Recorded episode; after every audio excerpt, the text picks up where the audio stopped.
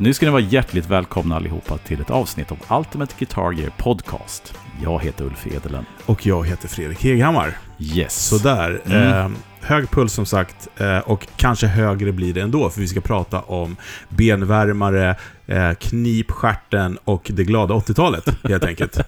Just det. Eh, sen ska vi prata om Claptons bästa sound. Ja, Vad var fönster. det? Ja, exakt. Precis, veckans fönster. Och så tror jag att vi ska snacka om det som utlöste det här avsnittet, det vill säga din nya Valiarch. Min nya Valley Arts. Så häng med så kör vi. Gött. Ja, Ja, har du benvärmarna på? nej faktiskt inte det. Nej. Men jag skulle nog behöva knipa lite grann faktiskt. Ja, Mm. samma här. Men eh, vet du, innan vi sätter igång Ja, så ska jag säga att det är gitarrmässa i helgen. Nytt datum för i år ju. ja just det. är 7 och 8 oktober Mm. på eh, eh, Kägelbanan. Det Ja. vill säga under liksom Mosebacke-terrassen. Ja, men kan man säga. Det, det är exakt så kan man säga. Det var det jag menade. så att under Mosebacke-terrassen så ligger Kägelbanan som är ett anrikt konsertställe i Stockholm. Eh, som har varit stängt men öppnat igen. Mm. Fantastiskt tycker jag. Där är mässan i år. Yes. Det är två dagar, lördag, söndag, sjunde, åttonde. Eh, kom dit, eh, du är där. Mm. Jag är där. Med, med ditt nya äventyr. Yes. Eh, och jag kommer vara där och vara lite överallt. Mm. Jag ska hjälpa till lite här och där, Mm. verkar det som.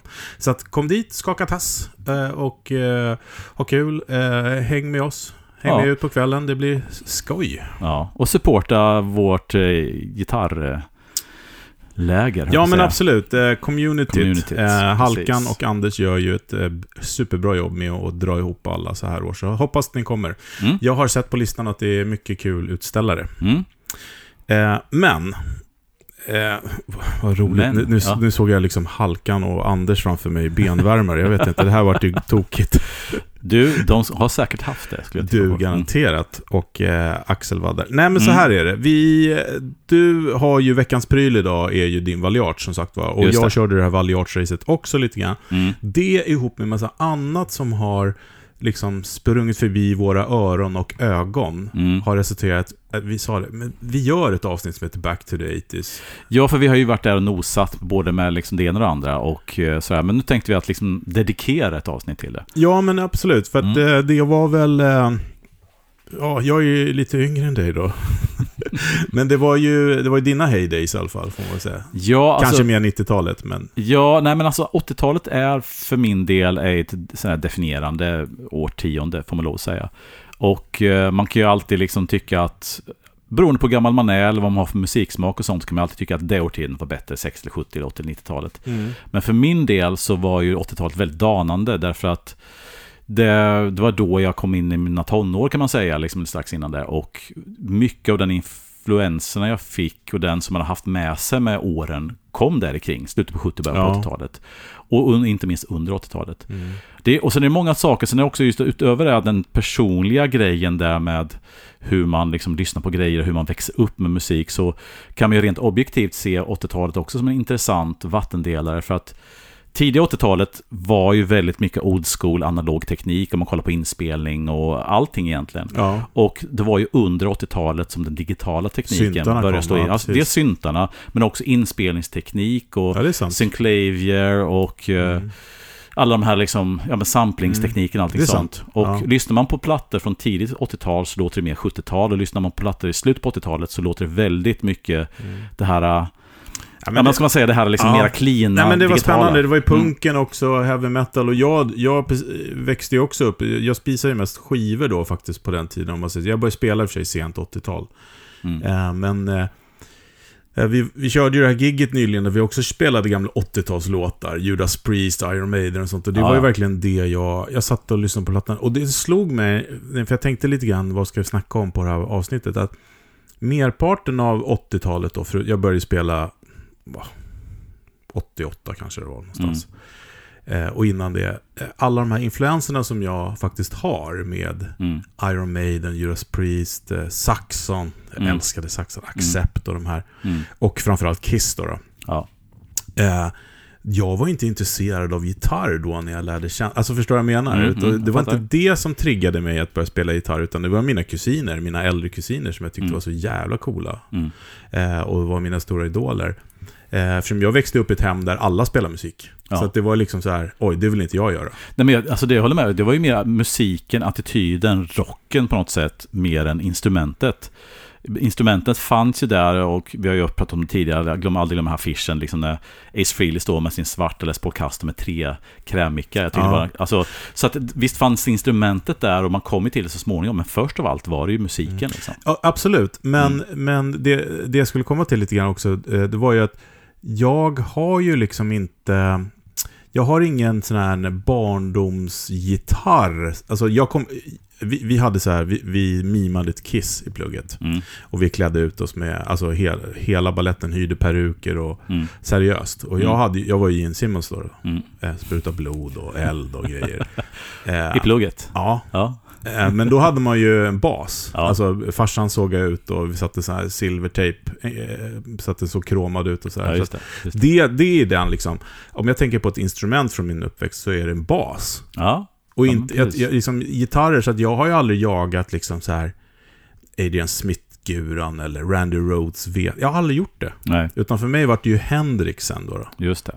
Som var Så, grejen. så, så man, kan man säga så här att egentligen så när du börjar liksom bli intresserad för instrument och sånt så hoppar du över 80-talet och var rätt in i 90-talet eller återkopplar det till 60-70-talet mer? Ja, det vart eh, 70-talet direkt. Ja.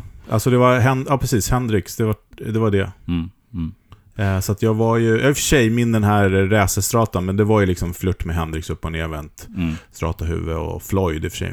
Det var för att 89-90 hade man det. Ja, ja, men precis. Det var ju ändå man... Jag spelade ju Hendrix med det. Liksom. Ja, ja, men man var ändå i den och, eran. och, och liksom. min idol eh, Tony Ellis Mm. eh, hade ju liksom eh, en Paul Guy-strata med Floyd. Okej. Och han var ju min, min eh, absolut stora idol. För jag lärde ju känna hans son och han och Ja. satt och bytte. Jag ska inte säga att vi bytte. Han visade mig Hendrix-räkor, så ska Ja. jag säga. Okej. Här byttes Du tog, inget. du tog emot mer än du jag gav. tog ja, Ja. 100 procent. Ja. Men, eh, men ändå, det var en eh, härlig tid. Mm. Eh, Men när jag tänker tillbaka, om man, säger, om, man, om man kollar vad som hände egentligen, så det finns ju det är två parallella rörelser, eller tre parallella rörelser i början på 80-talet som influerade mig väldigt mycket. Dels var det faktiskt hårdrocken. Eh, Jag hade ju lyssnat mycket på Van Halen, de kom i deras första platta kom i 78, men jag- ser nästan mer dem som ett 80-talsband, mer, de förebådade 80-talet mer än vad de är 70-talsband, i och med att de var så nyskapande. Men sen har vi New Wave of British Heavy Metal 82-83 någonstans med Ja. Maiden, Saxon och alla de här banden. Så hårdrocken var ett stort spår för mig. mm. Eh, kommandes från landsbygden och allting sånt. Men ett nästan lika stort spår var ju New Wave kan man säga. Punken kom ju 76-77 någonstans och eh, jag tyckte väl det var sitt... New Wave är det Simple, Simple Minds och det här. Exakt, Den- U2, ja. Simple Minds den. Så, att, Ja, så New Wave kan man säga är det som den poppiga varianten som kom, sprang ur punkrörelsen. Eh, Pretenders, liksom Tears alla- for Fears. Ja, lite grann så kan man säga. Ja. De var tycker Ja. Men så att så att de banden, Police inte minst då, Ja, just det. Så. Ja. Eh, Så att jag hade hårdrocken och sen hade jag New Wave-delen, U2, Police och allt det här. Och sen så det tredje då spåret som danar mig också väldigt mycket när det gäller att spela var ju västkustrocken med Mm. Toto och den stilen. Och då kan man tycka, okej, okay, New Wave British Metal, New Wave och västkust. Det är tre stycken ganska särskilda grejer. Ja, men- Så, som regel så gillar man antingen någon av dem. Ja, men precis. Eller hur? Ja, Mm. jag vet inte riktigt. Den där New Wave-grejen då, då eh, den... Eftersom, jag ska inte rub it in, men jag Mm. är ju några år yngre än dig. Mm. Och den var ju på MTV då. Mm.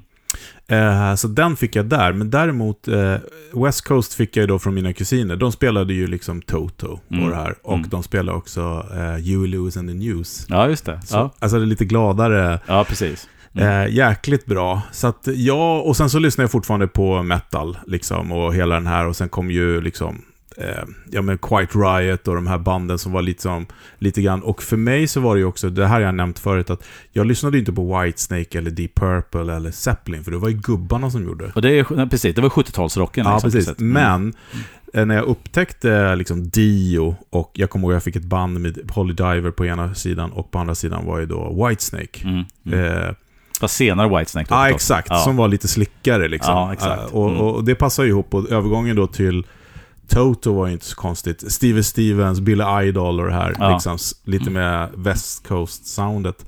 Men jag tror inte... Jag ly- lyssnade du på Dan Huff och sånt där, eller? Ja, jättemycket. Jag var ju helt inne i de här... För när jag väl upptäckte västkustmusiken som kom kanske lite grann med Toto och många av de andra de här fusion slickbanden Mm. så, så på den tiden var det LP-skivor och jag blev så här, vem är det som lirar det här coola soundet och det här Ja. coola grejer? Så, så läste man alltid, det fanns alltid cred, credits då på vem som spelade. Och det är då man börjar upptäcka de här pokarnamnen, Lukather. Och sen några år senare såg Just man det. Landa och man såg Huff. Man såg Michael Thompson, man såg Tim Pierce. Helt plötsligt så var det som så här fem, tio gitarrister som i princip gjorde alla plattor. Mm. Det är så roligt, för 80-talet. alla de där tre sista, de har jag upptäckt på 2000-talet. Ja, Eh, liksom, så att jag har ju lyssnat lite bakvänt, så att säga, Mm. på det där. ja. Eh, Scott Henderson och hela den där, Ja. den där maffian. Mm. Men, ja, men, men eh, om vi tillbaks till 80-talet där lite grann. Mm. Vi har ju andra band som eh, eh, White Lion och Mm. Warrant, om man nu ja. vågar erkänna att man Lite lyssnar på det. blöjare. Ja, ja. Mm.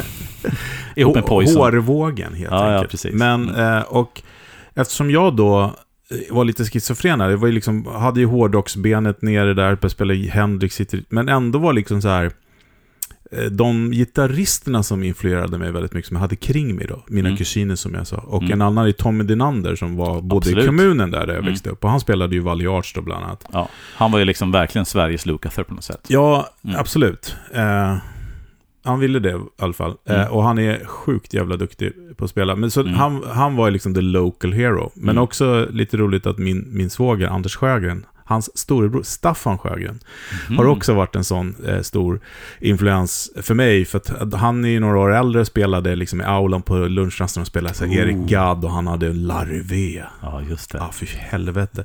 Jo, men det jag ska säga, gear-wise, så Mm. var det så här att jag hade ju liksom eh, rackgrejer. Ada MP1, jag hade slutsteg och quadror, Verber, Mm. det har vi snackat om förut. Mm. Jag hade gitarr med Floyd, så att jag hade liksom, men jag spelade inte den...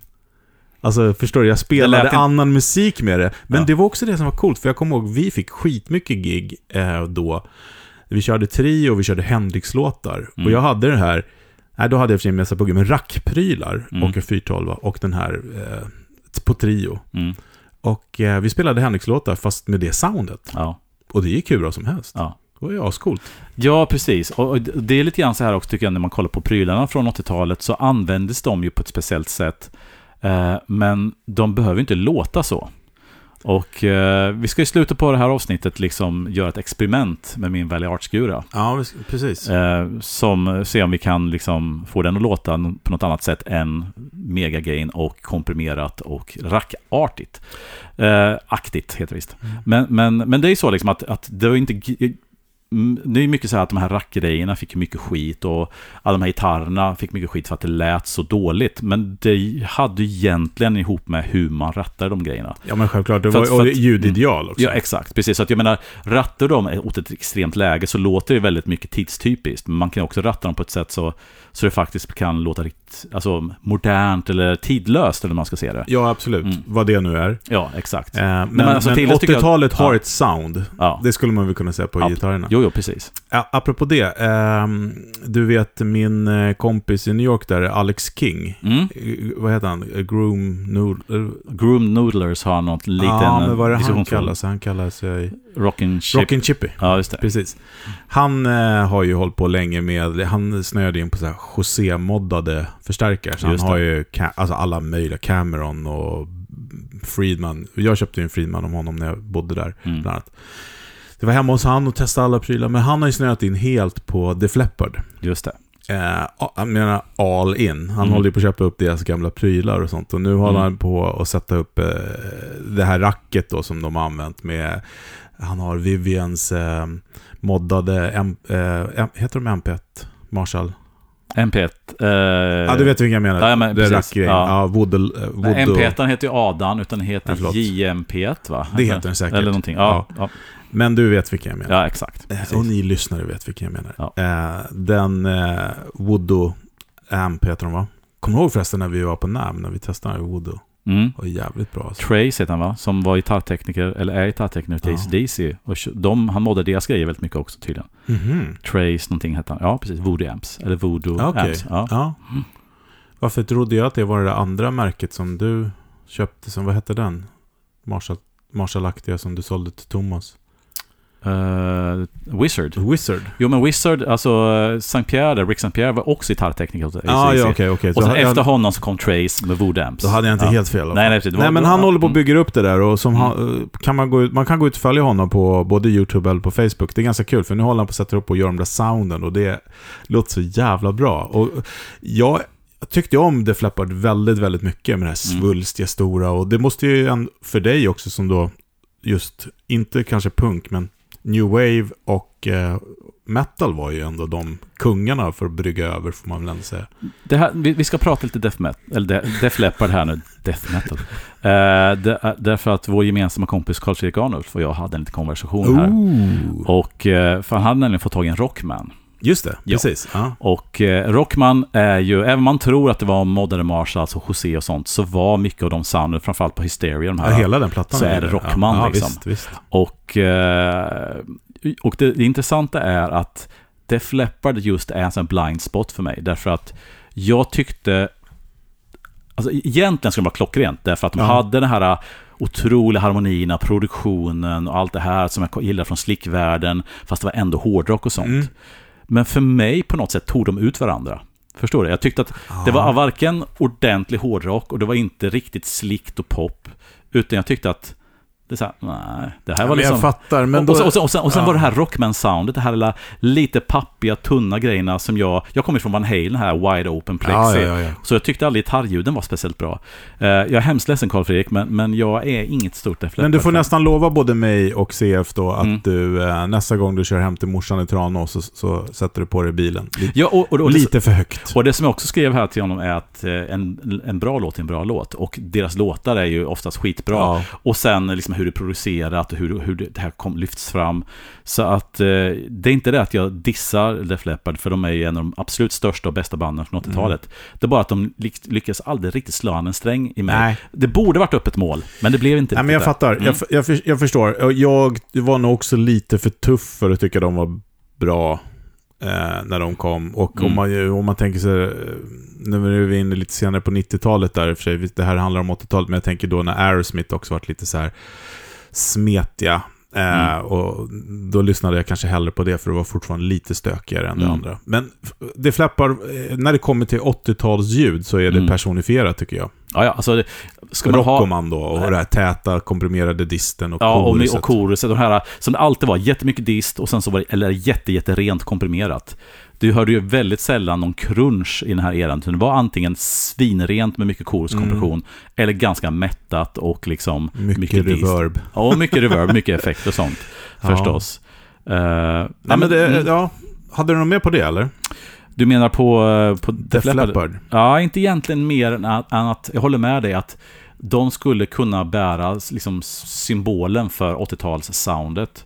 Faktiskt. Därför Mm. att det, var- det är mycket mer 80-tal än så blir det nästan inte om man lyssnar på just Hysteria, de här plattorna. Liksom. Jag gillade också George Lynch. Just det. Docken. Wicked Sensation-plattan. Mm. Oh, jävligt bra. Precis, men han hade, tycker jag, mer gemensamt med det här, äh, det som jag gillade med, med den eran, med det här. Han hade lite råare ljud. Lite liksom åt Landau-hållet med det. Landau blandat med Van Halen lite grann så. Mm, Liksom, ja, det så sant. att, att det fanns det här Marshall-strängljudet. För grejen med Def Leppard var att det var så otroligt producerat så att det blev den här massan och du hörde, du hörde inte riktigt det här naturliga strängljudet, vilket var en del av estetiken Ja, förstås. Ja. Och så. Nu ska jag inte snacka skit- mer skit om eh, Nej, men jag tycker inte du snackar skit. Jag tycker du, du har någonting som eh, du ska återuppväcka bara. Eller Ja. återuppleva helt enkelt. Ja, men det, det, det, man kan se så här också att i och med att jag inte gett mig in i det där träsket så har jag ju massvis upptäcka som sagt. Mm. Och, ge, och kanske liksom eh, göra en avbön ett senare avsnitt kanske. Ja, Mm, eh, mm. det har ju blivit några sådana ja, under den här. Avböner alltid. Ja, men det, det Ja, men det är, det är, man får väl ändra sig. ja, men det är ju så här liksom att eh, om man gör avbön så innebär det att man utvecklas på något sätt. Exakt. Kan man- man, ska, om man ska- aldrig stå stilla, man ska Ja, progress. Men du, jag har en Mm. spaning som jag vill dela med mig. ja shoot. För att jag trodde ehm, att nu jäklar smäller det till i 80-talsdjungeln Mm. när John Mayer äntrade.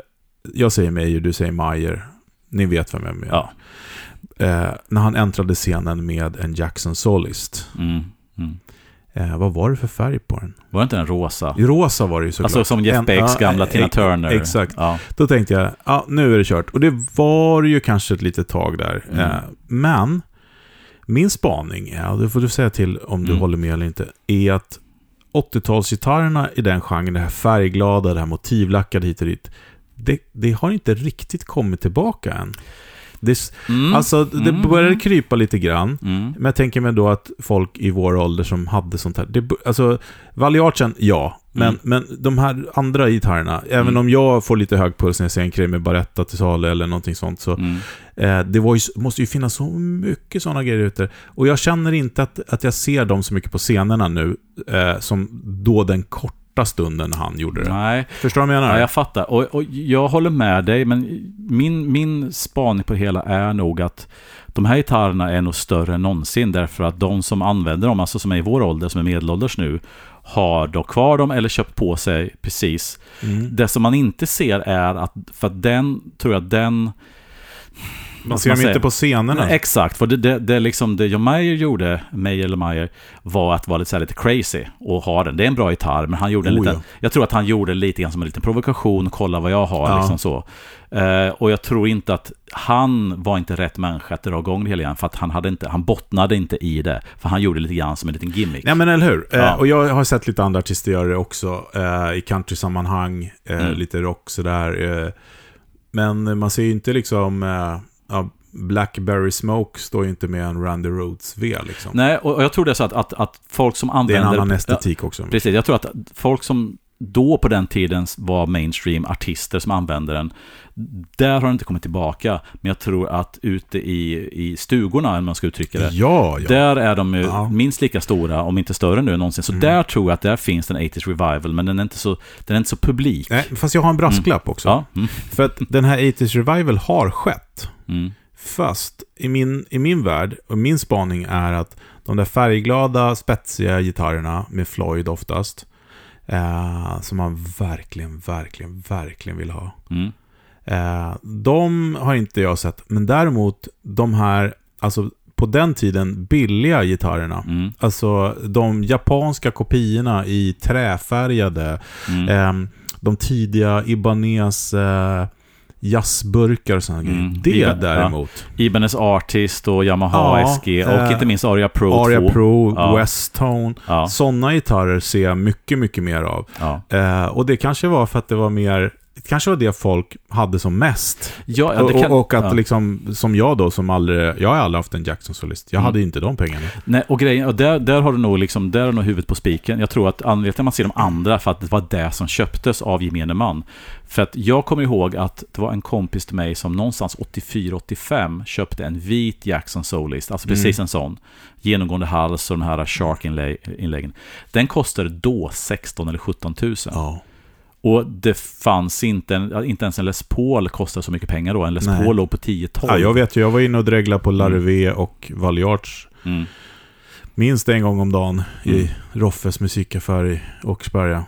Så jag tror, jag tror helt enkelt så att de här gitarrerna som du säger, de här Pointy-gitarrerna, Jackson Charvel, de var så pass dyra så de är inte så vanliga i vårt land faktiskt. Eh, och sen är det nog så att, att de, var, de är så tidstyp, de hör hemma så mycket i en era så att gör man det som John Mayer gjorde så blir det mer som en gimmick än att det känns ärligt. Ja, det men- kanske, var, kanske var helt ärligt, det bara kändes inte så riktigt. Nej, nej, nej, precis. Eh, exakt. Eh, men, och, och det sagt så var det så här, man tyckte nästan synd om dem som stod med en Aria Pro 2 eller någonting när det Mm. begav sig. Eh, jag hade i alla fall en Ibanez Bla, Bla, Blazer Mm. eh, som jag skämdes över det här. Jag hade det här gamla trubbiga huvudet. Jag ville ju ha eh, eh, det andra huvudet. Jag kommer ihåg när den, den gitarren fick ett nytt huvud sen. Ja, okej. Jag sågade till så att det såg ut som ett strata-huvud i alla fall. Oh. Det är du och Ed Van Halen som Ja, pajar ja, gurorna vad liksom. Paja. Nej, det var ju mycket snyggare. Ja, ja, ja, ja, förstås, förstås. Nej, Det, det här gamla Ibanez-huvudet, alltså, det var inte min grej. Eh, måste jag säga. Är Mm. in, har inte blivit heller att det har vuxit på en. Nej. Men, däremot, och det är en annan parentes, jag har ju bytt lite smak när det gäller, så jag ska göra avbön på, Mm. jag gillar st- stora strata-huvuden nu, det avskydde jag förr i tiden. Ja, men det, det kan jag hålla med dig om faktiskt. Men om man säger så här, vi, vi har ju sagt lite grann som en spaning nu vad vi inte tror kommer tillbaka. Vi tror inte att de här värsta pointer-grejerna kommer tillbaka. Det känns ändå som om vi är lite mitt uppe i någon form av 80s revival. Om man lyssnar på populärmusiken, det är TR-808 trummaskiner, hela rapvärlden. Ja, musikinfluenserna är Ja, ja, tydliga. precis. Det, det och The. Weeknd som rippar, Ja. aha, rätt av och ja men du vet allt det här. Om man säger så här, vad är det för trend, om man ska fråga så här, om det, vad är det för trend, eller vad är det för någon, något 80-talsfenomen som inte riktigt slagit igenom än, som du tror är på gång? Eller har, har vi, är vi på nedgången så att det kommer inte några flera, tittar inte upp fler trender från 80-talet? Eller tror att vi har missat någon trend som helt klart är på gång? Eh, jag vet inte om det kommer något mer. Vad skulle det vara i sådana fall? Det, Och det kan vara... jag tänker med så här, första när du sa det så tänker jag på så här eh, dåliga synttrummor, men det är ju redan nu. Liksom som, de första Simmons och de här. ja, liksom, så, ja. exakt. Men i, i gitarrvärlden, ja det ska vara gitarrsynt då kanske. Mm. Att man börjar se det igen. Som också kom på 80-talet någonstans där och slog Ja. igenom. Tillsammans Ja, det med slog hela... ju aldrig ja. riktigt igenom. Nej, men men, alltså, folk det kom- försökte ja, precis. använda det, precis. Men nej.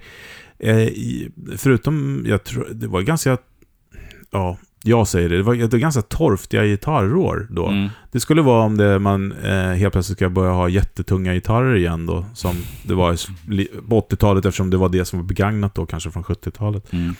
Men, eh, nej, men gitarrmässigt så tycker jag att 80-talet är här med alla de här jättestora svulstiga reverben. Mm. Eh, Dimension C Chorus Mycket chorus igen Ja. på gitarrhjulen. Ja. Och nu också framförallt med eh, eh, de här nya Boss-delayen som Mm. eh, SD, vad heter de? SD?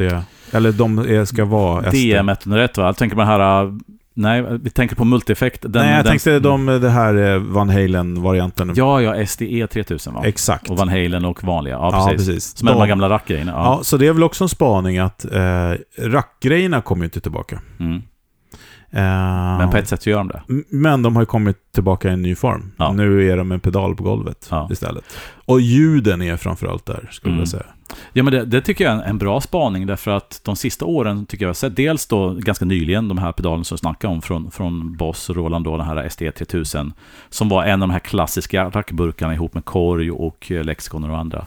Ehm, och man ser ju också, ja men du vet, CXM, den heter 1978 i och för sig i tiden, men liksom de här det verkar som att tillverkare har lyssnat på och sett på de här gamla klassiska bur- rackburkarna men, och tycker att det här är ett ljud som är i tiden men formfaktorn måste ner i pedal. Men du, det här med Mm. som du sa nu att den heter 78.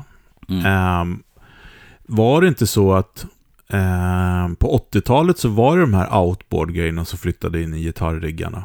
Det skedde väl, det var väl Ja. inte jättevanligt på 70-talet? Nej, nej, Då var det nej. mera bandeko och sådana fjäder, tjofräser, utan Exakt. 80-talet så flyttade ju, så att även om den heter 78 så tycker jag att det var det flyttade in i gitarrriggen.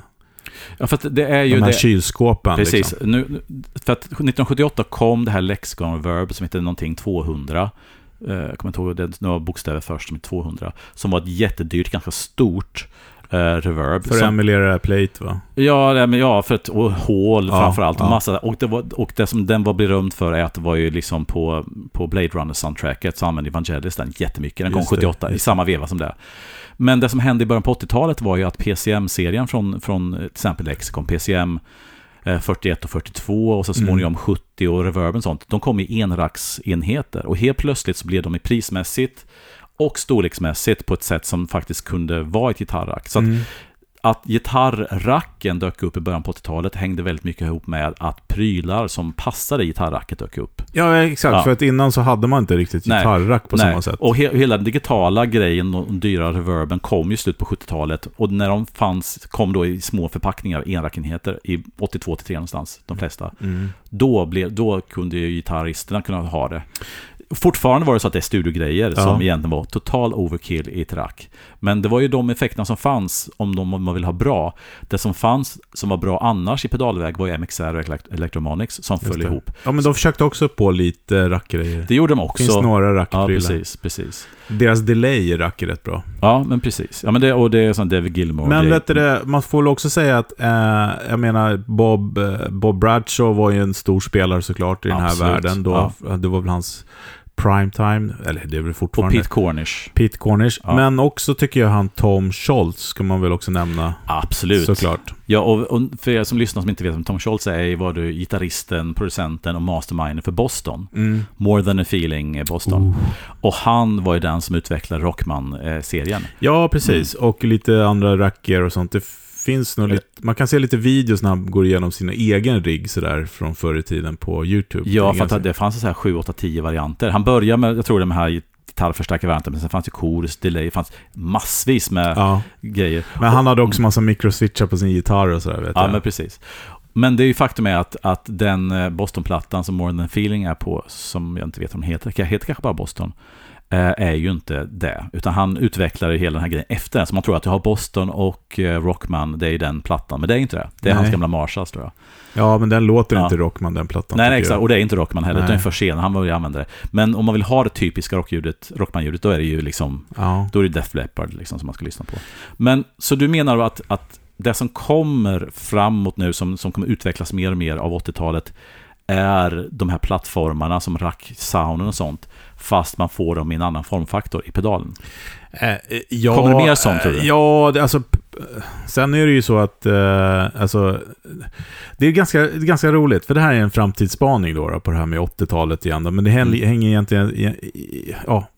Det som hände, att outboard-grejerna från studion flyttade in i gitarriggen på Mm. 80-talet, Mm. Tror jag kommer ske nu inom snar framtid. Och nu är det inte outboard-grejerna som flyttar in, utan det är pluggarna från datorn. Ah, okej. Det vill säga, den studiemiljön som är vanligast nu, Mm. flytt, och det ser vi med det UA, UA gör ju. Ja, precis. de, är gör ju precis ja. det. De flyttar ut sina pluggar och sätter dem i, i pedaler. Och man Eh. kan, man, kan, man kan argumentera att Helix och Fractal och uh, Neut, vad heter de? Neutron? Neutron?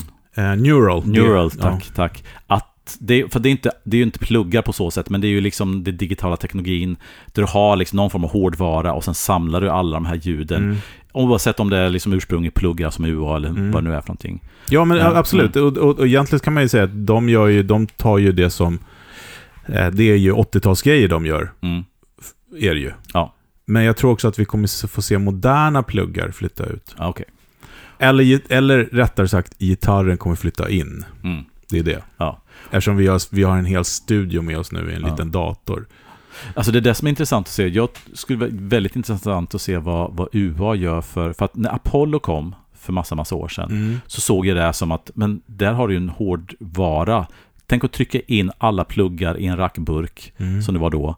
Och sen få tillgång till hela det här. Och så gjorde de det fast de, de portionerar ut i pedaler istället. Ja. Liksom.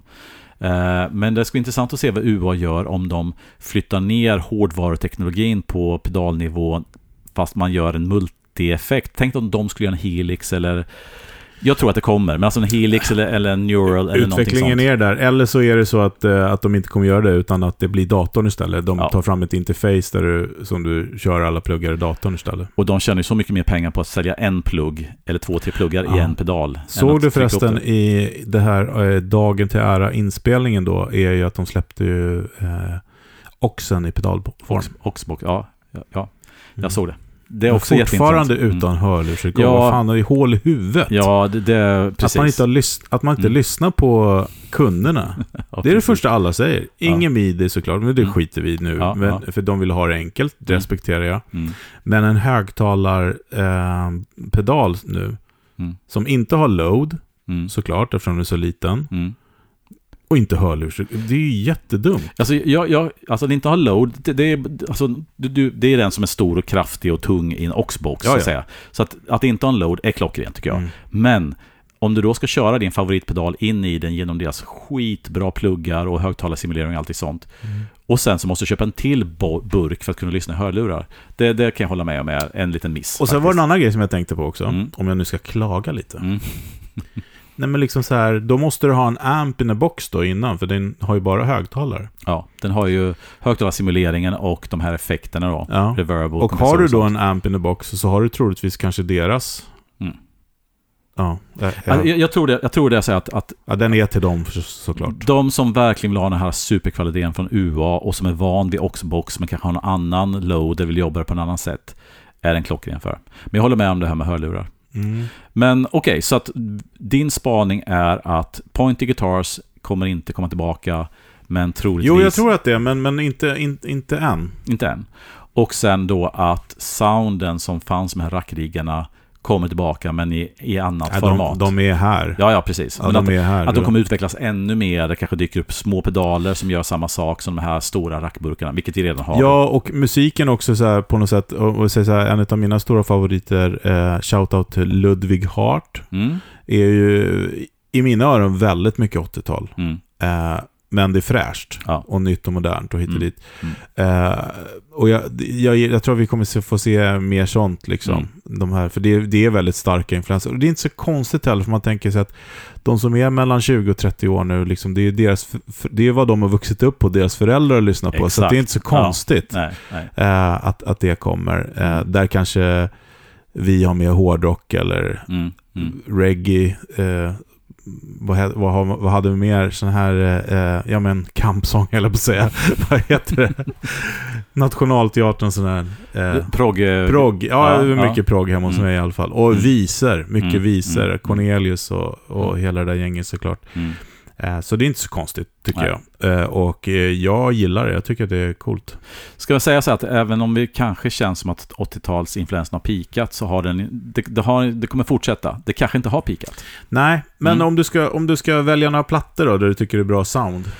Som eh, f- f- 80-tal. Vi har ju nämnt några, The Flappard och hit och dit. Ja, precis. Jag har ju, jag lyssnade faktiskt på häromdagen, en gitarrist som också använder Velle Arts som går lite grann under radarn och ett band som jag tycker är absolut, absolut bland det bästa från 80-talet som jag fortfarande kan lyssna på fast en del sound är daterat men inte hans gitarrsound och i lir. Det är Mr. Mister. Just det, det och Steve. Steve ja. Farris. Ehm, och, jag, och de gjorde plattor från 83, 85 och 87 någonstans. Var det Jim Alltså, Kelly starkare då? nej, inte, Nej. inte inspel, live användande. Ah, okej. Inspel, inspelat använde han sin dumbbell, men framförallt sin 50 watts plexi Marshall. Mm. Mycket. Det som jag tycker är coolt, om man lyssnar framförallt Welcome to the real world, som är andra plattan, mittenplattan, som är med den stora hitten på. Ja. Om man skiter i att lyssna på Broken Wings och Nej, man ska lyssna på Curie för att det är sånt coolt gitarrlir där och sound. Men om man skiter egentligen de två låtarna och lyssnar på det övriga så är det jättemycket 80-tal, men också ett väldigt innovativt sätt att använda vibrato, pitch shift och effekterna som inte blir så cheesy. Det är därför jag tycker det är fräscht fortfarande, för Ja. lyssnar man på Lukather från samma era så kunde det bli lite för standard cheesy. Ja, men jag fattar, jag Men fattar. han använde effekterna mer för att liksom hitta liksom i sången. Så att Welcome to the real world med Mr. Mister Steve Farris är nog min kanske topp tre platta från 80-talet. Mm. Topp fem i alla Ja, fall. precis. Jag, eh, jag tänkte först säga, eller jag säger eh, Whitesnake. Mm. Alltså den här eran med Vandenberg och, Just det. och det lite Sarso och... eh, ja, Still of the Night. mhm. Det, var, det är väl 80-tal ändå, måste jag Still säga. and I, ja, du Ja. Sykes också Ja, precis, precis. innan han slutar. Ja. Alltså för mig var ju det, det är riktigt, riktigt coolt, Mm. tycker jag. Mm. Eh, Det är hårdrock på riktigt, men ändå lite ja, men slicka gurar Ja, är det. Men eh, eh, Roxette, Ja, absolut. Isaksson ja, och gänget. ja, ja. Alltså riktigt bra gitarrsound på, på, Mm. på de, ja, egentligen alla plattor, men nu Ja. de 80-talsplattorna. Ja, precis. Med The Look och de här liksom. Ja. Ja. Men det, det, det, är också jättemycket. Och där hör man också det här som jag snackar om att där hade 80-talet med maskineriet och det digitala slått igenom ordentligt. Och Ja. där kan jag ibland tycka att det blir, ibland på en del plattor, till exempel där, så blir det så mycket, det blir så, det blir ett hårt ljud. Det här varma tidiga 80-talet Mm. försvann lite grann Mm. till fördel för det här nya. Och eh, Mm. man gick all in på mycket liksom, på 80-talet. Så du, du har inte lyssnat så mycket på punk va?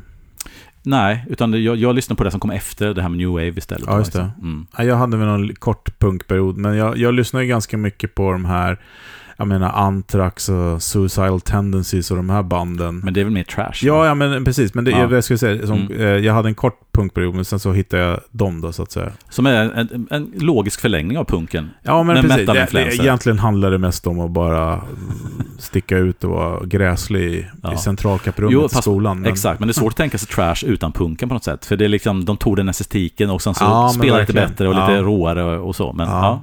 Ja. Men, det, det, Mm. men där kan jag inte säga att jag tycker att det finns så mycket bra gitarr. okej. Så, alltså tidiga Metallica är ju, Ja. är ju inte dåligt alltså. Men så, så ditt val är, kan man säga, det är väl den Whitesnake-plattan? Den hette Ja. bara Whitesnake va? Med Still on Night med på, eller hette den 1987? Slip... Uh, slip Slippery. Nej, Nej, det är Slipper den vette, det är Bon Jovi. Men ja. uh, slip, slip of the tongue. Whitesnake? Sl- Slip of the tongue, heter det inte? Slip of the Tongue eller någonting. Eller, ja, någon av dem där. Still on a night. Precis. Ja, men coolt. Ja. Det är varken första eller sista gången vi pratar 80-tal, så att ni, ni som lyssnar får ju stå ut med det, att vi kommer säkert eh, kasta oss Sista in. grejen då, coolaste grejen då, förut, eh, på eh, 80-tals gitarr, förutom Valiart som vi ska prata om strax. Oh, coolaste från 80-talet. Ja. Uh, oh, det var intressant. Är det GP8?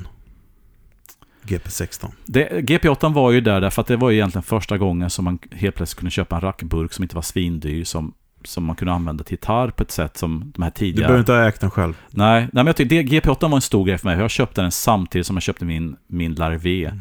Larvé med EMG och, och, eh, och eh, Floyd. Som var min liksom, fattigmans Mm. Valley Arts. Den köpte jag samtidigt hos Nysse 85 kanske, 86. Mm. Eh, och som jag hade jobbat hela sommaren så köpte jag den gitarren, den GP8.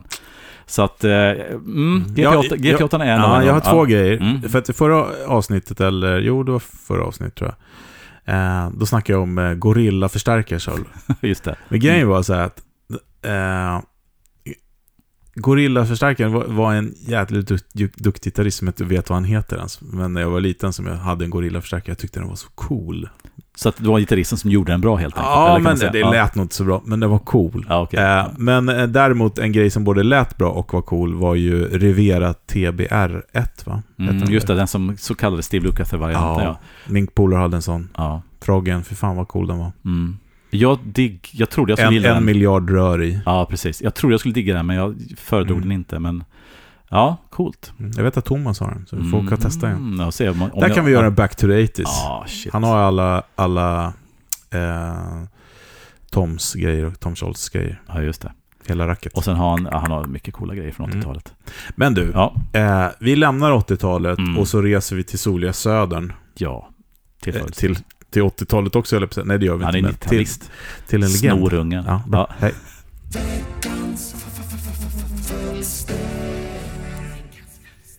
Sådär, då kör vi veckans fölster. Jag skulle tippa på att alla ni som lyssnar på podden har någon slags relation till Clapton. Det hör till. Han hör till gänget gitarrister man ska dyka ner i minst en period i livet. Eh, Clapton var absolut inte min favorit för. Jag tyckte både Hendrix och B.B. King med flera var mer spännande och Clapton var lite mer mellanmjölk. Kanske för att han spelat så mycket under min uppväxt. Men han har växt som tusan för mig, både som gitarrist och låtskrivare. Och vad som är så himla kul och spännande med Clapton är alla hans olika eror och sounds. Clapton har liksom lyckats vara ansiktet utåt för både Les Paulen och Stratan. Och SG'n. Och 335an. Och Firebird 1 och den där Martin Acken han har som signaturmodell.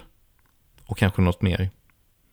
Eh, det är ju klart en smaksak vilken era man tycker har det bästa soundet. Är det Bluesbreakers med Burst och JTM 45an? Det är ett sånt jävla sound på den plattan. Men och varje gång någon säger det så är det alltid någon som ska nämna att ja, men det är väldigt mycket soundet på inspelningen där också. Man spelar väldigt starkt in i preamp som inte riktigt klarar det där och det, det är många saker som distar på vägen som låter coolt. Må så vara, väldigt bra sound på den plattan. Eller är det Cream-eran med Plexi och i början var det väl en JTM 4500 eh, SG, eh, den här The Fool SG. 335 röd 64 va? Och lite Firebird 1. Eller är det kanske Blind Faith-eran? Som jag tror är, det är ju en tele med en stratahals. Han hade väl börjat med den här plocka ihop delar-perioden då. Både Blackie och Brownie är väl ihopplockade delar från olika Fenders han hade plockat upp på turné. Eh, och på Blind Faith så tror jag att det är, eller jag tror att det är, jag vet att det är en tele med stratahals in i, jag tror det var twin, Twinner då. Det var Fenders fortfarande. Eh, eller är det kanske Derek and the Dominos-plattan? Som väl är, är det Brownie där? Det är en strata i alla fall. In i en Champ. Är det fler starkare också, eller är det Champ på hela plattan? Jag tror nästan det är en Champ på hela plattan. Väldigt bra sound där i alla fall på den, på den skivan. Um, eller det kanske 70-talssoundet med Blackie-stratan in i Music Man-stärkare som han körde hårt på då. Eller är det kanske sena 80-talet med Soldano och strata med Lay Sensor-mickar. Eller nu i den moderna eran um, med Claptons signaturstrata med den här midboost-kretsen in i, det är väl tweed-twinnar, eller lite blandade tweedar tror jag. Han har ju ett par eh, signaturer hos, eller hos Fender också. Men jag tror det är någon twin där också. 90% av er lutar väl ändå åt något eh, från de tio första aktiva åren, skulle jag tippa på. Jag favoriserar nog ändå Cream-soundet. Speciellt live på, ja men till exempel Live Cream-plattan. Plexi, maxad, någon humbucker-gitarr. Jag önskar att jag hade kunnat lite mer om vilka gitarrer som användes på vilka plattor och sådär. Men som sagt, det är ju den här The Fool SG, den målade. Det är en 335 från 64 och det är en Firebird 1. Jag tror det är de. Ja, men han hade någon Les Paul förresten också under Creameren. Ja, men det är liksom, det, det, är, det är någon humbucker-grej nästan alltid. Det är brötigt, nästan fassigt, men det poppar så himla bra i trio-sättningen där. Och sånt jävla löd i spelet på Clapton på den här tiden. Um, jag har hört bluesgubbar säga att Clapton dog lite när han började spela Fender-gitarrer. Eh, så långt ska vi nog inte gå. Jag tycker att Strata-soundet på Leila-plattan är guld. Eh, hela den plattan är nog hans peak. Rent musikaliskt och låtskriveri och lir och... Ja, den är ju... Det är en sån här, liksom... Jag gissar att det är en sån platta som man har skickat ut i rymden. Och grävt ner i tidskapslar och så vidare. För den är så bra. Men även soundet på Ocean Boulevard-plattan är toppen. Och framförallt svinbra låtar. Så ja, Fredrik och Uffe och ni som lyssnar. Vad tycker ni är Claptons bästa sound? Gärna med hänvisning till en specifik låt eller något YouTube-klipp kanske. Jag hoppas ändå att någon vill lyfta fram Journeyman-soundet med Soldanon. Och jag hoppas att någon kanske kan utbilda mig och tipsa mig om lite höjdpunkter från de sista, säg 20 åren, som jag inte har grävt ner mig i alls, ska jag säga. Förutom den här julelåten då, eh, Jingle Bells i technoversion. Den har jag ju fastnat för på något sätt. Som jag har snackat om på på avsnittet om jullåtar. Ja, vi hörs väl i sociala medier och diskuterar det här tänker jag. Vi finns ju på Facebook, Instagram, Podbean och YouTube. Och så får ni ha det så gott så hörs vi nästa vecka igen. Hej på er! Ja, tack Fölster. Det här är ju ett ämne som har, som jag får kämpa lite grann med, som vanligt höll jag på att säga. Men, ja, men jag mm. fick också kämpa lite grann med det. Mm. Eh, Clapton. Ja, det är svårt att komma förbi Clapton på samma sätt som det kan vara svårt att komma förbi Hendrix. Men jag är, precis som vi snackade om innan det här med 80-talet, jag är ju, även om jag är betydligt äldre än vad du är, så var jag inte tillräckligt gammal för att vara med då och uppleva storheten med Clapton Nej, eller Hendrix. Han, eh, Hendrix var ju min husgud som, som jag sa innan. Mm. Och, det, och har man lyssnat på Hendrix så, så, som jag gjorde då på den tiden så, så lyssnar man såklart på Cream också. Mm. Så Cream tycker jag var coolt. Mm. Eh, inte det bästa sounden dock, men, men det är så jag upptäckte Clapton. Eh, och eh, jag såg faktiskt den här, på Netflix finns det någon dokumentär om Clapton. Mm. Eh, som jag såg. Eh, den kan jag rekommendera att titta på. Eh, den är ganska mörk, för han har ju mått ganska dåligt i hela sitt liv. Ja, det har varit både missbruk och olycksfall i familjen ja, och sånt där. Ja, och, precis. Så att, mm. Men ljudmässigt så, eftersom frågan var vilken era vi tycker väl. Jag ska också säga det att eh, han spelar dumble-förstärkare idag. Han, idag? Han gör det ja? Ja, okay. precis. De, ja. Eh, för det såg jag på en uh, rig, rig rundown, mm -hmm. Premier Guitar. Uh, de ser ut som hans. Han, ha, han har ju också en, en Tweed-modell från Fender. Mm -hmm. Men de här är regutted, som man sa, utav Howard Dumble. Aha, okay. Så att små Tweed-förstärkare som han spelar på. Så att han, han är alltså tweedstärkare som är moddade av Dumble. Så han har är ingen- inte moddade, de är helt... helt omgjorda. omgjorda. Men alltså det är inte, han har ingen Odrive Special eller någonting annat sånt. nej. Utan det, okej. jag tror att det är så här Ultraphonics eller någonting Ah. säkert. Eller, eller, eller tweedar som, kanske. han, som han fick av Dumble medan, hans lev, medan han levde alltså? Som ja, han har ja. jobbat med? Ja, ja, ja. ja. Ah, Han, okej. Absolut. Han har sådana. Jag vet också att eh, Kenny Wayne Shepard har ju också Mm. sådana som ser ut som Fender-förstärkare. Okej. Som är Dumble. Ja, han gjorde ju massa moddar på, på Deluxar Mm. och annat. Ja. Ja, Nej, men så Clapton spelar Dumble Mm. eh, och han har ju sin speciella gitarr där nu, Stratan med boosten. Och jag kan väl säga så här att... Kör han fortfarande den alltså? Den som kom på 80-talet någonstans? Eh, Silverfärgade med lace-mickar och Ja, midboosten. jag tyckte jag såg han nu. Det har ju varit Crossroad nu i... Mm. Eh, skitkul, både Joe Landret och, och Ariel Posen var där och spelade bland annat. Och Mm. för, kul att följa dem, för det är en pojkdröm för dem att få spela på det här Crossroads. Ja, Det har ju varit gigantiskt i år. Mm. Eh, men, eh, jo men han, bland annat det tror jag. Okej. Mm. Eh, men mitt favorit, alltså jag, jag, jag tänkte på det och gick tillbaka och lyssnade lite så här. Att jag gillar ju Derek and the Dominos jättemycket. Mm. Eh, det kanske inte är de bästa gitarrljuden, men det passar väldigt bra till de låtarna. Mm. Eh, och det är väl Dwayne Allman också som är med. Ja, just det. Och- det är han som kör slide på ja, Laila. precis. Mm. Eh, och eh, den här eh, Bell Button Blues som är en Belly Button Blues som är skitbra Mm. låt tycker jag. Nej men den, den gillar jag. Och sen så gick jag in och lyssnade också. Eh, jag gillar hans eh, 80-talsplattor. Alltså det är ju 80-talsljud då. då. Mm, Det är mm. chorus och det är mycket Mm. reverb hit och dit, Men det låter väldigt, väldigt bra. Mm. Eh, 85, han hade någon skiva som heter August tror jag eller någonting. Mm. Och den innan den lät. Mm. Eh, bra gitarrsound tycker jag. Ja, ja. Men, men när jag ser honom idag, jag tycker att han sjunger och spelar skitbra fortfarande faktiskt. Mm, mm. Alltså, det, Hendrix har ju den, hur ska jag uttrycka mig så att det inte låter konstigt, den fördelen med att dö ganska ung. Så han, han, han, han hade, han, han, han eh, ja, det jag menar är att han han ju aldrig få liksom den här dippen. Han, första plattan kom 66-67 och det var alltså tre eller fyra år. Så han red ju fortfarande på den här vågen och hade väldigt mycket att ge. Men Clapton har ju med åren, som alla artister, haft up and downs så att säga. Oh ja. Men den fick ju aldrig... Och väldigt produktiv Ja, den fick ju aldrig Hendrix. Därför tycker jag lite... Därför man säger att Hendrix är mycket bättre än Clapton. Ja, men om, du skulle, om, om Clapton också skulle gå bort 70, innebär att vi skulle haft hela Bluesbreaker och Cream-grejen och knappt mer så.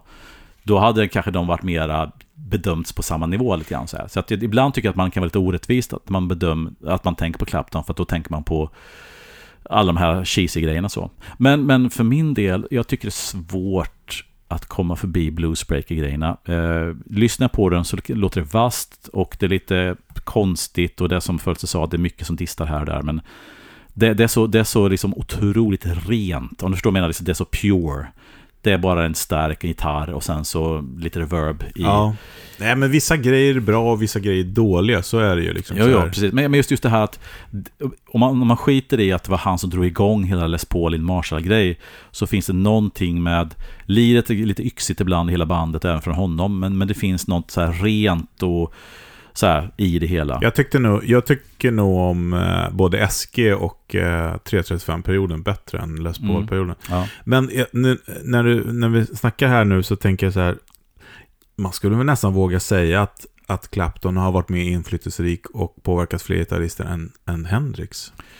Alltså den Mm. generationen. ja, det... För han var ju, tid, han var ju före Hendrix. Ja, precis. Ja, På det alltså, på att vara stor. Ja, det är ett jättesvårt ämne. Jag skulle påstå att de har nog påverkat, att de har haft jättestor påverkan bägge Mm. två faktiskt. För jag menar, ehm, Ja men det finns ju en, det finns ju en, eh, en generation som är en 20 år äldre än oss. Alltså Ja. de, de som är runt 70 och över. Där Clapton är verkligen gud. Ja, om man säger så här, alla som spelades på genom Marshall har, och som kom under början på 70-talet, under 70-talet, vi snackar Jimmy Page, vi snackar alla de här artisterna, eh, hade ju kanske gjort det, men tveksamt om just det kittet och hur hela den här liksom stadiumgrejen som Sen har han ju varit otroligt trendsetter. Varje gång han har bytt gitarr så har ju en värld följt efter. Jo men precis, och och det jag menar är att, att lika mycket, alltså hans spel så är det också vad han har spelat på och varit en föregångsfigur med det. Eh, Men min, andra grej är nog trots allt, även om det är lite cheesy också, är den här eh, sent 80-tal, den här Journeyman, där han körde Soldano. Det beror kanske Ja. på att jag är lite, Ja. lite, Ja, men jag, det, det, lite, lite färgad. Och, Ja. vet, vet du storyn hur, hur han började spela Soldano? Nej. om jag har förstått det hela rätt så var det så att Lukather var ju, om man spelade ihop med Clapton tror jag, och, och hade sin då med, du vet, Bradshaw-grejer och Just sånt, det. och samma era som han hade sin Soldano då. Mm. Och tydligen så spelade Clapton genom det här och det var superstarkt, hur starkt som helst och bara swishade överallt. Mm. Men tydligen blev han så imponerad av det så att han lät ju Cornish bygga den här, som man, som man har sett bilder på den här riggen med två stycken gråa toppar, det. två Ja. 412 och Ja. sen Ja, en hört massa live Cornish grejer. faktiskt. Ja. Och så turnerade, gjorde han den här plattan German och han gjorde den här också, liveplattan 24 Nights va, tror jag. Med just den här riggen. Och jag kan tycka, precis som när Mark Knopfler körde Soldano, att när man tar någon som inte är hair metal, som sänker disten och spelar annan typ av musik på det, Mm. lite grann som Warren Haynes också gör och många andra, Ja. så kommer den här stärken fram och då visar man hur pass Glöm bra... inte Gary Moore också. Ja, absolut. Nej, men alltså så att då, när man gör, använder de här gamla Soldana Isolano på ett annat sätt. Och för de har en cool ton som jag gillar. Och, eh, så för min del är det Bluesbreaker och eh, sent 80-tal Journeyman-eran. Mm. Coolt. Clapton, ja. Ja, få höra vad ni som lyssnar, vad ni har för Vilken era är bäst? Sound. Eh, länka gärna med en eh, Spotify-länk om ni, om ni kan och har Ja. Spotify. Eller YouTube. Coolt. Men eh, ska vi ta The Reason for the Season, höll jag på att säga. Ja, veckans pryl. Ja. Jupp. Veckans pryl. Yes, ska vi köra veckans pryl? Fredrik, nu får du åka med här alltså. Jag åker med. Och det roliga är att eh, vi sitter ju då framför mig med en eh, shiny piece här på något sätt. Mm. Eh, jag trodde nog inte att jag skulle få vara så här nära en sån här gitarr. Eh, inte när jag var 13, 14, 15, 16, 17, 18, till och med nästan 50 år gammal. Mm. Men nu sitter vi här. Och jag tjuvade ju in mig på en eh, lite annan modell emellan, men Mm. det här är ju flaggskeppet. Ja, precis. Och eh, för er som inte känner till brandet Valley Arts eller märket kan vi bara ta en jätte, jättekort historik. Eh, det, finns, det, fanns en kill, det fanns två killar, Al Carnes och framförallt Mike McGuire, som på 70-talet eh, startade en musikaffär i Los Angeles. Jag tror att de, jag vet inte var de började någonstans, men de hamnade i Studio City in the Valley då. Eh, och eh, i den musikaffären så meckade Mike McGuire med gitarrer och han fick tidigt en kund i Larry Carlton som piskade honom hårt att höja sin kvalitet och han bandade om en gitarr och sånt. Och, ja, de höll på, han höll på att pyssla med det hela samtidigt som de sålde grejer i den här musikaffären. Och 77 någonstans så satte han ihop sin första egna gitarr som blev någon form av superstrata.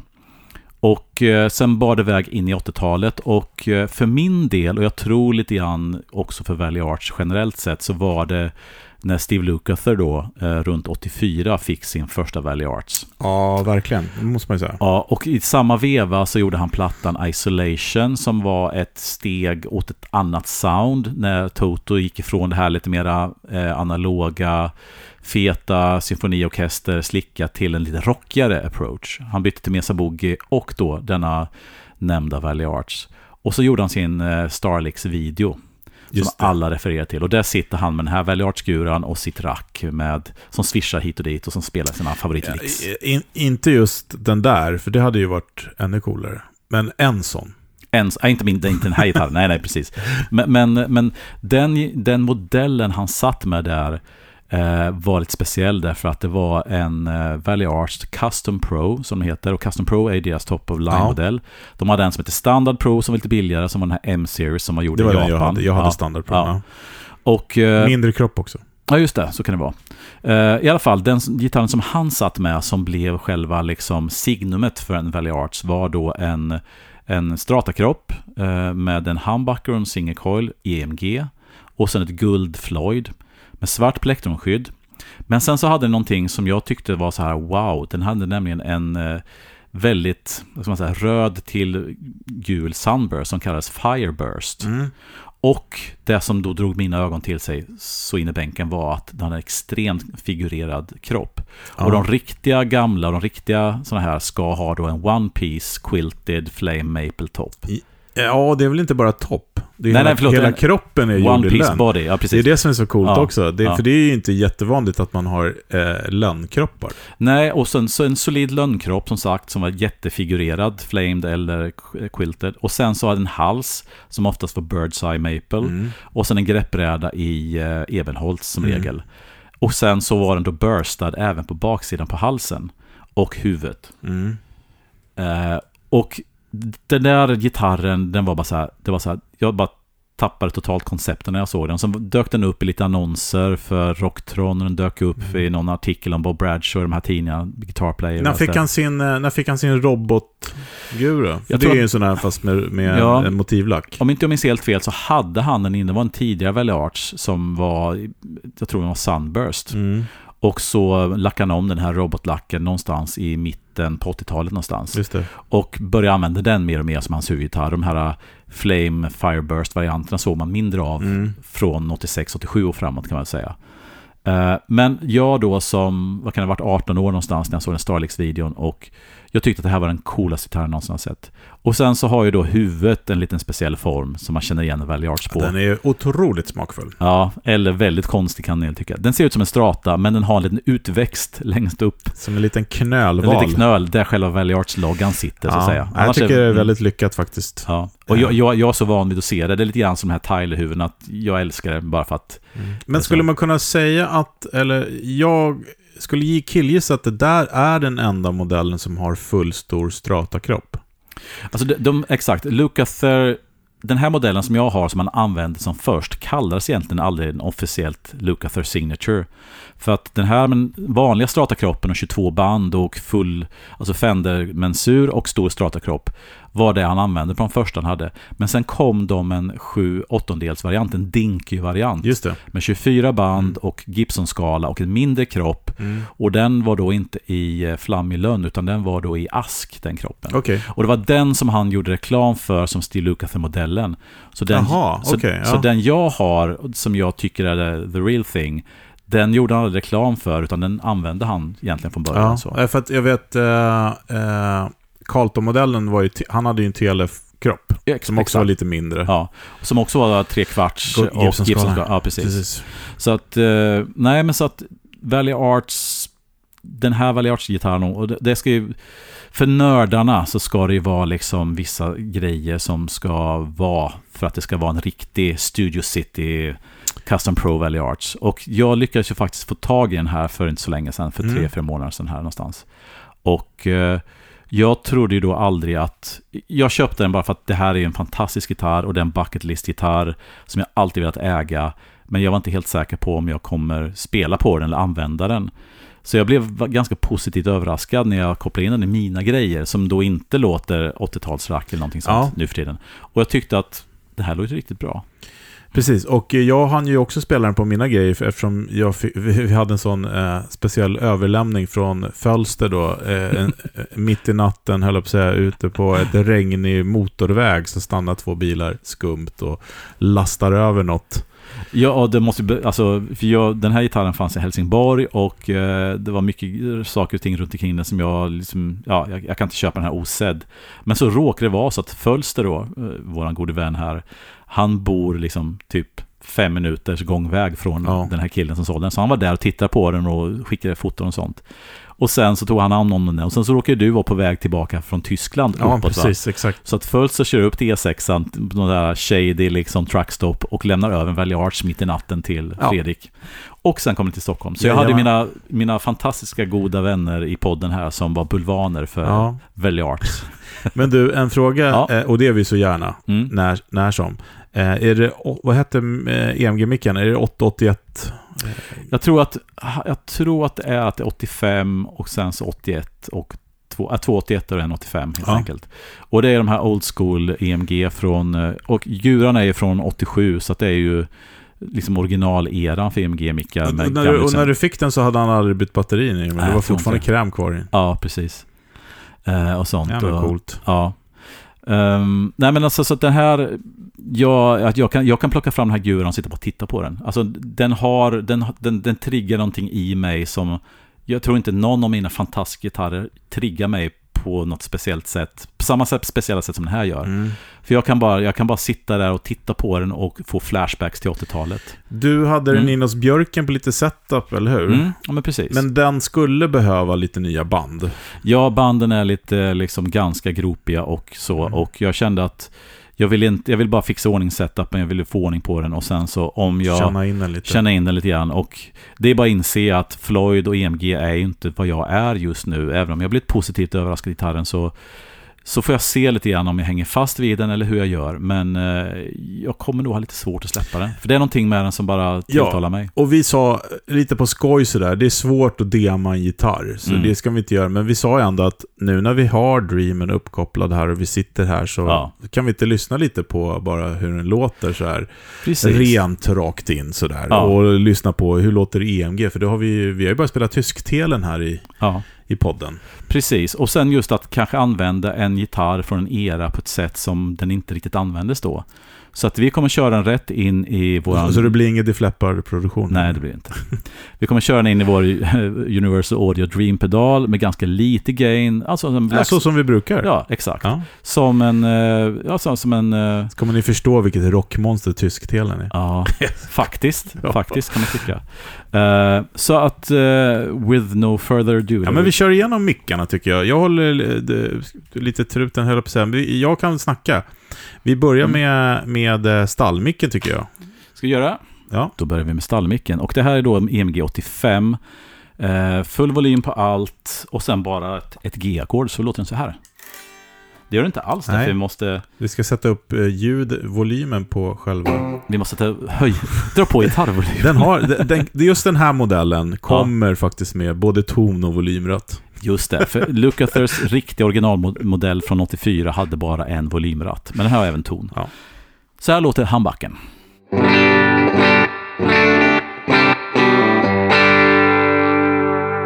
Han gainar lite ändå när du hugger i. Alltså, den, handbacken har ju ganska mycket utsignal och den har den här lilla midnäsan som man känner igen från den här eran. Och eh, om man säger så här, drar man på massa gain så är det få mickar som skär igenom det här mättade gain-soundet så bra som en sån här mick. Medan den i det här sambandet kanske kan låta lite honkigt. Ja, Ja. men det gör inget. Men jag tycker ändå det låter balanserat. Ja, och ja. med tanke på att det här är en, en gitarr som är till, nästan bara liksom lön rakt igenom.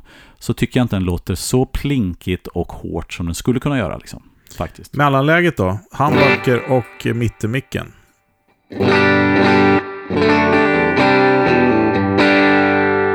Ja, alltså man hör lite knorr men handbacken tar ju över väldigt mycket. Mm. Det här är handbacken då. Och här är mittemellan. Ja, Ändå ett väldigt användbart ljud. ja. Och mittmicken som är lite cool faktiskt låter så här. Ooh, funky. Och man hör ju direkt att hur stark eh, handbacken är. För här hör man att man tappar, alltså när man går till singelcoinerna så hör man att dels är de lite skopade men också att de har mindre utsignal.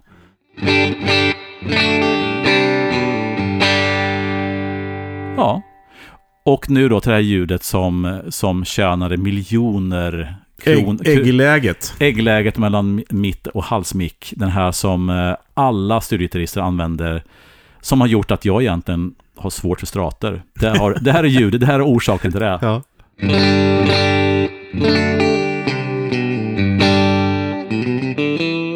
Men, men med en dyr eh, outboard-kompressor på det där, vet du, då, har du ju, då är man hemma. Ja, och, och en av orsakerna till att de blev så populära bland studiegitarrister, ENG-mickar, var ju att de var en av de första mickarna som var tysta. De var aktiva. Ja, De drivs av ett 9 volts batteri och är ju då, har ju en lågimpedansmick liksom. Väldigt att, jämna också. ja. Äggläget.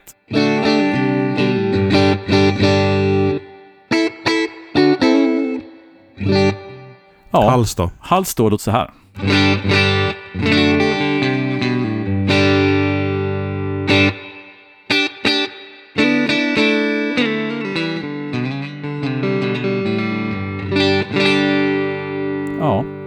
Nog finns det alltid en liten plinkighet där alltså. Och en liten... Ja, men den, den låter Mm. coolt. Mm.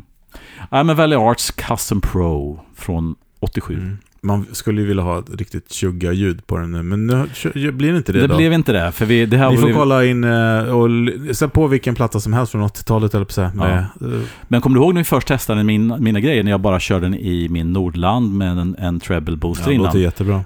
Så lät den skitbra. Så att vi kanske har gjort en, liksom en disservice lite grann här, köra i Dream. Nej, det, var mer som, samtidigt- det var mer som en kul grej. Exakt. Så har ni hört en Valley Arts på det här sättet i alla fall. Mm. Eh, jag är jätte, jätteglad åt den här, gitarren och eh, mm, det är någonting som, ja men det kanske man blir äldre också, man försöker återanknyta till saker och ting och man vill, ja men du vet som vi köper påsprylar som man upplevt och sånt. Men det här blev en oväntad positiv erfarenhet av mig, Mm. för mig måste jag säga. Back to the 80s. Yeah. Men hörrni, Mm. eh, vi säger tack för idag och vi säger vi ses på mässan. Mm. Kägelbanan, 7, 8, alltså lördag, söndag, oktober. Eh, det vill säga helgen nu som kommer, Ja, för er ja. som lyssnar på det här på tisdagen. Eh, vi ses där. Yes. Hej då! Hej då.